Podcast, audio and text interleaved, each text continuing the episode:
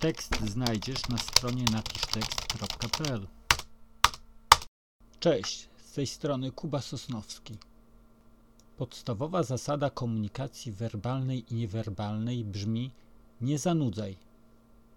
Nadawca, osoba mówiąca, pisząca, zgodnie z powyższą regułą musi budować komunikat w taki sposób, by zaciekawić odbiorcę, słuchacza, widza, czytelnika i zmusić go do podjęcia działania.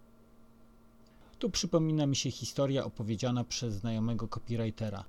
Kilka lat temu zgłosił się do niego klient z poważnym problemem.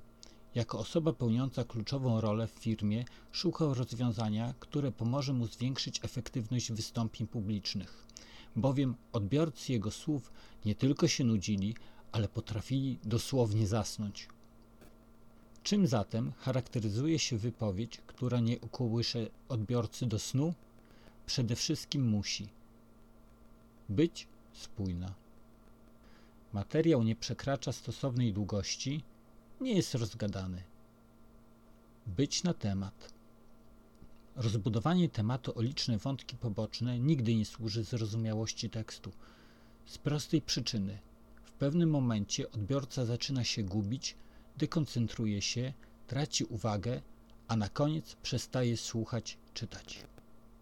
Zawierać elementy atrakcyjne dla przedstawiciela danej grupy docelowej. Mieści w sobie elementy istotne dla odbiorcy, są one pogrupowane pod względem priorytetu od najważniejszych po te warte podkreślenia.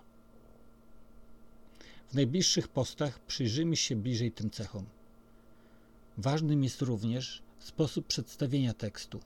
W przypadku wystąpienia istotne są sposób wygłoszenia, ton głosu, język ciała, czy też miejsce prezentacji. Natomiast prezentując materiał na papierze, ekranie komputera, zwraca się uwagę na czcionkę, kolor, wygląd wizualny całości, czy też cechy fizyczne nośnika. Jest to również temat, który poruszę w najbliższym czasie. Pozdrawiam serdecznie, Kuba Sosnowski.